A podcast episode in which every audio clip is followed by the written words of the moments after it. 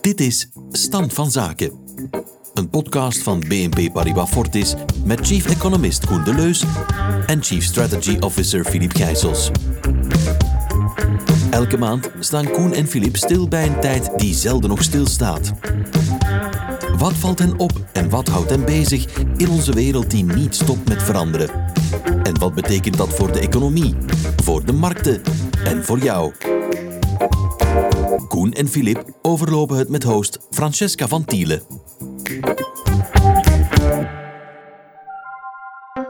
Studentenverenigingen, het is een woord dat allerlei beelden oproept. Maar meestal niet het beeld van een aandelenportefeuille. En toch is dat waar we het in deze stand van zaken over gaan hebben. Over een studentenvereniging die ook een beleggingsclub is. Wat kunnen zij ons vertellen over hoe late tieners en jonge twintigers beleggen? Beleggen zij anders? Is er een methode? En moet je eerst fouten maken om goed te kunnen beleggen of kan je die vermijden? Dag Koen en Filip. Dag Francesca. Ja, normaal gezien zijn we in deze podcast met ons drieën, maar voor het eerst hebben jullie een gast meegenomen. Ja, inderdaad. We hebben Robbe Collage van Geno Capital weten te strikken. Dag Robbe. Dag Francesca. Dus uh, we weten dat je Robbe bent. Wat studeer je precies? En kan je ook iets meer vertellen over uh, Green Hill Capital? Ja, uiteraard. Dus ik ben Robbe, ik ben 22 jaar. Um, ik studeer toegepaste economische wetenschappen aan de KU Leuven. Um, ik zit daar momenteel ook in mijn laatste jaar.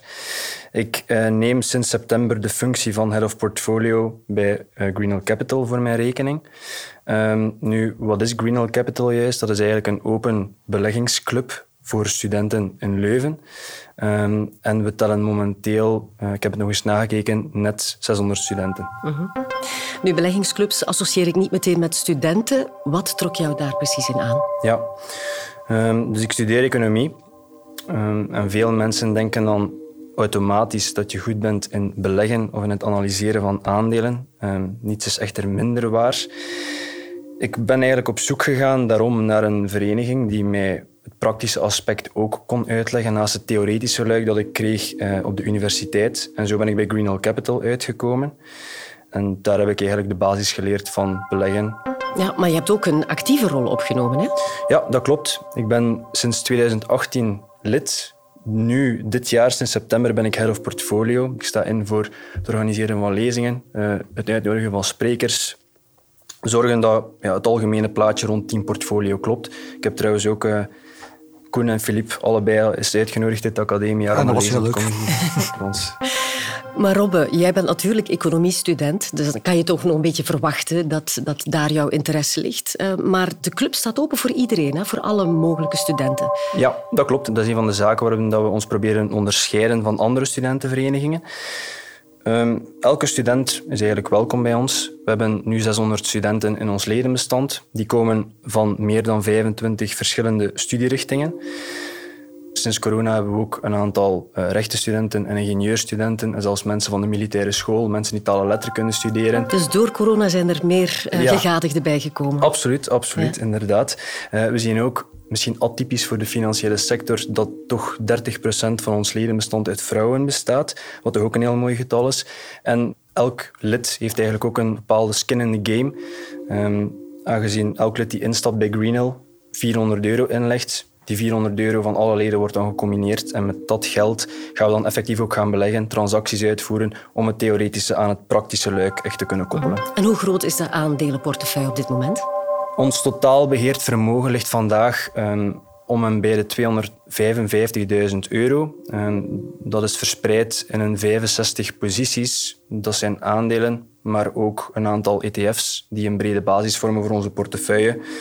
Um, we beleggen ook in, dus dat zijn aandelen-ETF's, maar ook uh, een aantal obligatie-ETF's. Uh -huh. Mooi, Filip. Ja, inderdaad. Jij als uh, jonge economiestudent, was jij ook met beleggen bezig? Wel ja, inderdaad. Hè, maar ik vind het sowieso fantastisch dat jonge mensen met beleggen bezig zijn. En, en Robbe zei het al, hè, we hebben al een lezing gegeven. Koen is er al een lezing gaan geven. En ze hebben mij nadien ook nog gevraagd. Dat is al fantastisch, want dat gebeurt ook niet altijd. dat je nog eens mag terugkomen. dus dat is wel geweldig. Maar het verhaal is van vroeger begonnen. We waren ergens op een zomerdrink van een of andere investeringsfonds in Leuven. En uh, ik ging naar huis en ineens stonden er drie mensen rond mij. Ik dacht, dit is hier een overval of zo. En, maar ze waren dan vrij goed gekleed en het waren inderdaad de mensen van, van Green Hill Capital. En ja, die vroegen, ja, kunnen we samenwerken? Kunnen we dingen samen gaan doen? Zo is eigenlijk onze relatie mm. begonnen. En ik had zo het idee van, ja, jonge mensen, dat is cryptocurrencies, dat is treden op, op vijf-minute bars en dat soort gedoe. Maar uiteindelijk, dat is heel anders. Dat is echt een heel duidelijk leuk proces achter. En ja, dat is heel leuk. En vandaar zijn we hier vandaag. Maar je bent zelf ook ooit jonge economiestudent geweest. Ik, ik Was jij toen met beleggen bezig? Ik dacht dat je ging zeggen, je bent ooit jong geweest. Ja, dat ook. maar maar uh, inderdaad. En, uh, maar het is toch bijzonder, hè? Want ja, het is bijzonder nu. Ik ben daar ook wel een klein beetje atypisch in. Ik ben daar uh, vrij jong ook ingerold. Thuis um, ja, de beleggen toch wel met de paplepel binnengekregen. En dan maak je dus alle mogelijke fouten. Hè. Ervaring is gewoon een opeenstapeling van fouten. Dat was, ja, je gaat het aandeel kopen wat het laagste staat. En je zegt, ja, dat is nu 80% gezakt. Dat zal wel goedkoop zijn. Dan koop je. Ja, loopt natuurlijk slecht af. Dan doe je dat niet meer. Dan zeg je, ja, nu ga ik het ding kopen met de laagste koers-winstverhouding. Maar dat is dan ook geen goede strategie, want dan mis je de groeibedrijven. Dus ik denk dat, dat wat Greenhell doet um, fantastisch is, omdat je dan voor een stuk misschien belet om een aantal beginnersfouten te maken, dat je misschien ergens verder een proces kan starten. En met een proces, wat ja, ik heb het van dichtbij gezien, wat, wat toch eh, goed in elkaar zit, denk ik.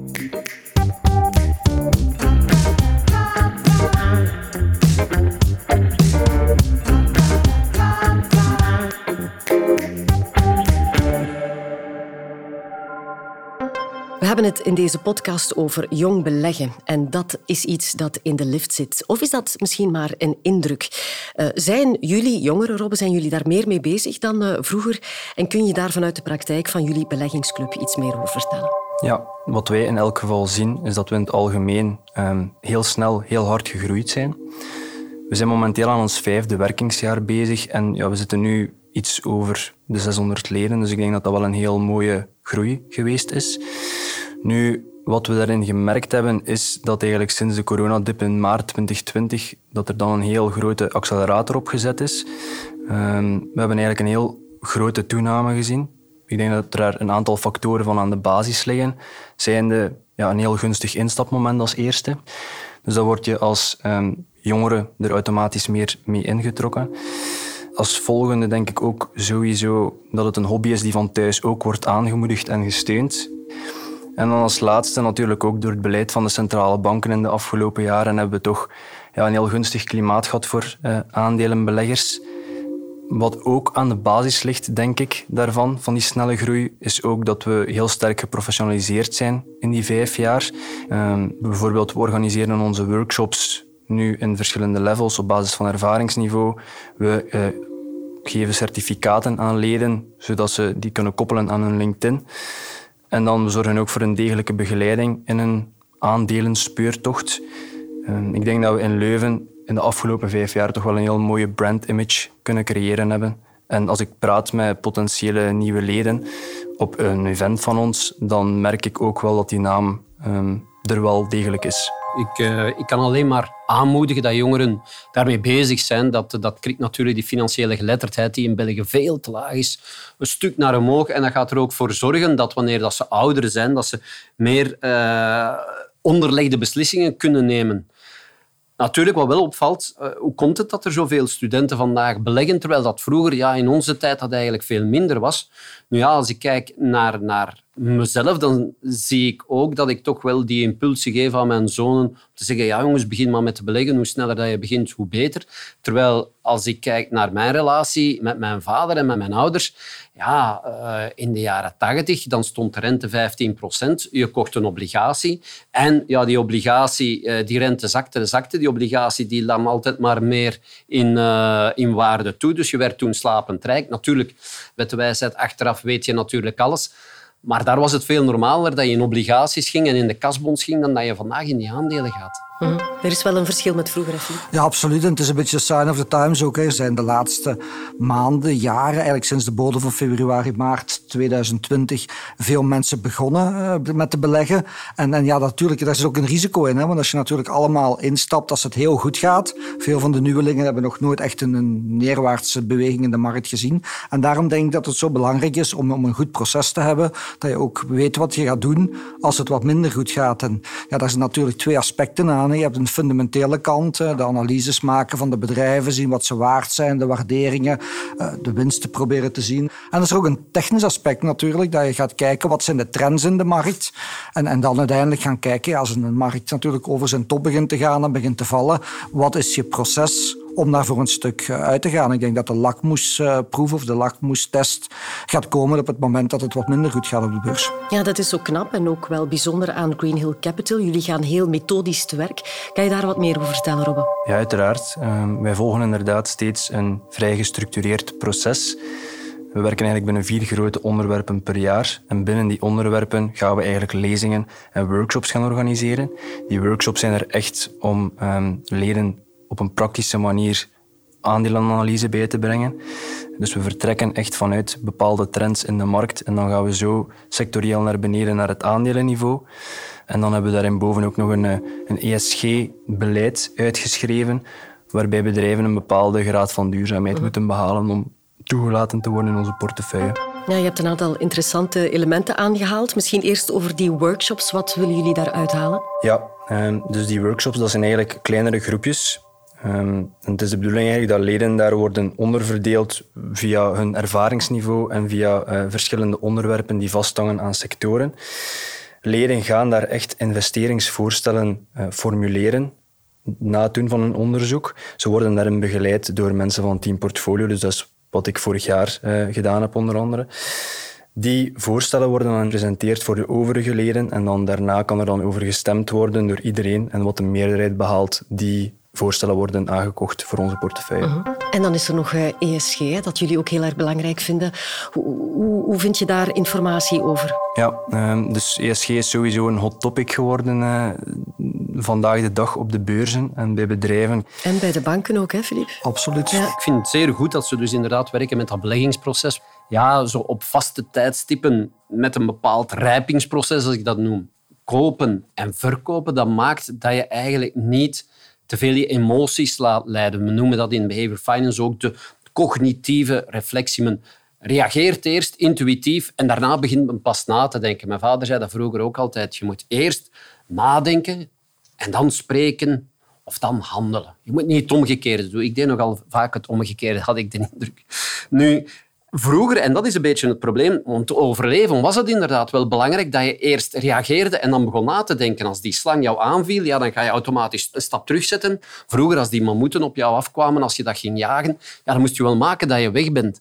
En dat moet je eigenlijk, kan je eigenlijk uh, gewoon ontwijken door dat proces in gang te zetten, een rijpingsproces. En, en, en ik denk dat, ja, dat, dat die manier die jullie daar aanhouden, dat het zeer, zeer goed is. En ook voor later om uh, zeer doelgericht met die aandelen om te gaan. Ja, jullie hebben een hele rationele aanpak. Filip, uh, jouw werkterrein als chief strategist is uh, de marktenzaal. Wat is essentieel in jullie beleggingsproces? Nou, ik denk dat we hier al heel veel bouwstenen op tafel liggen hebben. Onze processen die lijken wel op elkaar. Zoals Koen zei, wat dat werkt op de savanne werkt niet noodzakelijk eh, als je op een beurs werkt. En in elk proces is de bedoeling om ergens de emotie er toch gaan uit te filteren. En een goed doordacht proces te hebben, een plan te hebben, dat je niet impulsief moet handelen op het moment dat er iets gebeurt. Uh, ik vind het ook heel leuk dat je ESG in, in je hele analyse betrekt. Dat is ook iets wat voor ons als bank ook heel erg belangrijk is. Nu, wat er zonder belerend te zijn misschien wat ontbreekt, en dat is dan meer eigen aan een marktenzaal, maar toch ook aan een, een private bank en een wealth manager die geld beheert. Dus het, het, technische element. Want uiteindelijk, je maakt een hypothese, je hebt een visie. Uw, analyse kan zo juist zijn als ze maar kan zijn. Maar de markt kan je keihard ongelijk geven. Je kan vinden dat iets 40 waard is en dan zakt dat naar 20. En dan kan je zeggen, ja, dan ga ik nog veel meer bijkopen, want ik heb hier gelijk. En dat is altijd heel erg gevaarlijk. Dus je moet ergens een, ook een technisch proces hebben als de markt je ongelijk geeft om daar voor een stuk uit te gaan. En vrouwen zijn daar heel erg goed in. Want soms moet je eens kunnen zeggen, en mannen zijn daar minder goed in, logischerwijze, dan ik, ik, heb hier ongelijk. Mhm. en, en een man zal vaak langer vasthouden aan zijn visie, omdat dat een reputatie dan is nee, ik heb het gelijk. En heel veel van de beste fondsbeheersters of uh, traders zijn vaak vrouwen. En dat is zo. Misschien een, uh, een, idee voor een andere podcast. Hè? Absoluut. Robbe, is rendement jullie hoofddoel of uh, spelen er nog andere elementen mee? Nee, ik denk dat ik daar heel duidelijk in kan zijn. Uh, bij ons staat voornamelijk het educatieve aspect centraal. Rendement is er eigenlijk iets, iets secundair in. De bedoeling is eigenlijk om een heel brede basis te leggen bij studenten um, in producten waar ze op lange termijn op kunnen beleggen. Nu, ehm, in onze portefeuille hebben we wel een focus op technologiewaarden. Maar uh, om nu een voorbeeld te geven, onze workshops waar we op dit moment mee bezig zijn, draaien volledig rond de klassiekere sectoren. Ik denk aan holdings, vastgoedwaarden, financiële waarden. Wel, om, om dan eens op die technologie te komen, en uh, we gaan er geen quiz van maken, maar allee, je weet dat uh, de rente aan het stijgen is. Stijgende rente is slecht voor technologiewaarden, want het betekent, ja, je hebt je ik herinner me nog van het eerste jaar die cashflow-analyse. Je zet al die cashflows op een rijtje, rekent die terug naar vandaag. Technologiewaarden hebben veel van hun winsten in de toekomst zitten. Dus als je dat terugrekent, is dat minder waard vandaag. Dus de technologie staat onder druk. Hoe gaan jullie dan daar concreet mee om? Ga je dan meer technologie kopen, minder technologie kopen? Of... Ja, dus we hebben inderdaad een bepaalde focus in onze portefeuille op technologieaandelen. Maar ik wil daarbij ook een kleine kanttekening maken, want Ehm, als ik iets vertel over technologieaandelen, zeker bij de jeugd van tegenwoordig, sorry dat ik het zo noem, maar bij de jeugd van tegenwoordig wordt, er, Hoe zit dat? wordt er heel snel gedacht aan uh, de meme-stocks die mhm. heel eh, hard in het nieuws geweest zijn uh, een aantal maanden geleden. Nu, wij kijken als we technologieaandelen, maar ook andere effecten in onze portefeuille analyseren, kijken we altijd naar het product, de positionering in de markt en het duurzaam toekomstperspectief als we daarin geloven, dat is eigenlijk het belangrijkste uh, voor ons om mee te nemen in onze analyse. We houden ook wel steeds de balans tussen waarde en groei in het oog. Zo als een van de twee het even minder doet, uh, is onze blootstelling naar de minder presterende ook niet te groot. -hmm. Wel, het is heel interessant dat jullie dat allemaal heel beredeneerd doen. Hè. Jullie schakelen emoties uit, pakken dat allemaal heel systematisch aan, uh, met een beperkt aantal transacties per jaar. Koen, zijn daar ook risico's aan verbonden? Ja, daar zijn risico's aan verbonden. Ik denk dat de klassieke fout bij heel veel uh, beginnende beleggers vooral is dat ze te snel winst nemen en te traag hun verlies nemen. Want ja, dat is dan papieren verlies. En zolang dat je dat verlies die pakt, heb je eigenlijk geen verlies. Ik weet niet hoe dat, dat bij jullie zit. Uh, zit u bij jullie ook heel veel aandelen met, met heel lage waardes nog in portefeuille, of niet? Wij zijn daar sowieso minder vatbaar voor, denk ik, aangezien dat wij een vrij passieve structuur hebben. Dus we hebben maar een beperkt aantal transactiemomenten per jaar. Nu, bij onze workshopreeks vertrekken we altijd vanuit onze portefeuille en we kijken altijd of er bepaalde aandelen zijn, of effecten, uh, eh, ETF's, die we eens breder onder de loep moeten nemen. Um, zowel bij winst als bij verlies we hebben het voordeel dat we ook de presentaties nog hebben van het moment van aankoop. Dan kunnen we eens gaan nakijken, oké, wat was toen de reden dat we toen hebben aangekocht? Is die vandaag nog steeds geldig? Indien niet, kunnen we daar naar handelen en kunnen we ingrijpen. Mooi.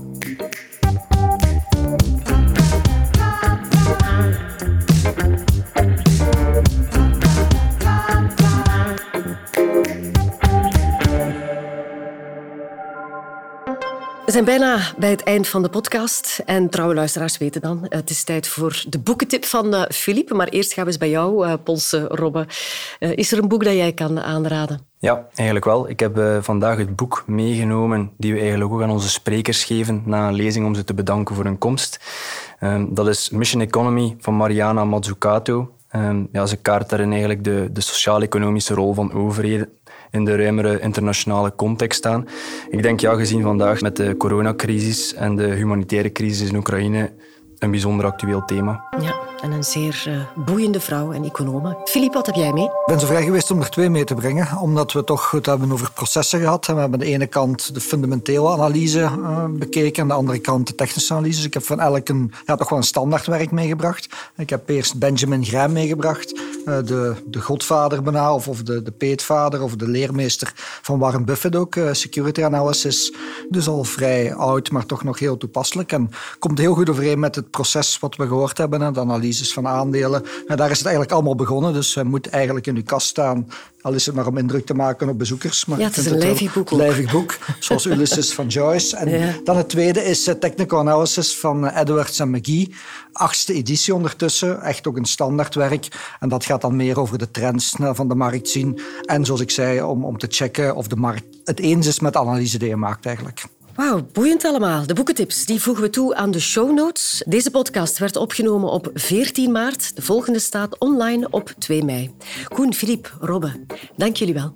Enorm bedankt voor de uitnodiging. Het was een bijzonder aangename ervaring. Ja, wij vonden het ook hè. bijzonder leuk, zo'n gast in de studio. Zeker voor ervaring vatbaar. Ja, moeten we nog eens doen. Dit was Stand van Zaken. Vond je deze podcast interessant? Abonneer je dan via Apple Podcast, Spotify of een andere podcast-app naar keuze. Of deel deze podcast via sociale media. Zo help je ook anderen om hem te vinden. Heb je intussen vragen, opmerkingen of suggesties? Die kun je mailen naar socialmedia.bnpparibafortis.com. Graag podcast Stand van Zaken in de onderwerpregel vermelden. De opinies in deze podcast zijn die van de presentator en de geïnterviewde en geven niet noodzakelijk het standpunt van BNP Paribas Fortis weer.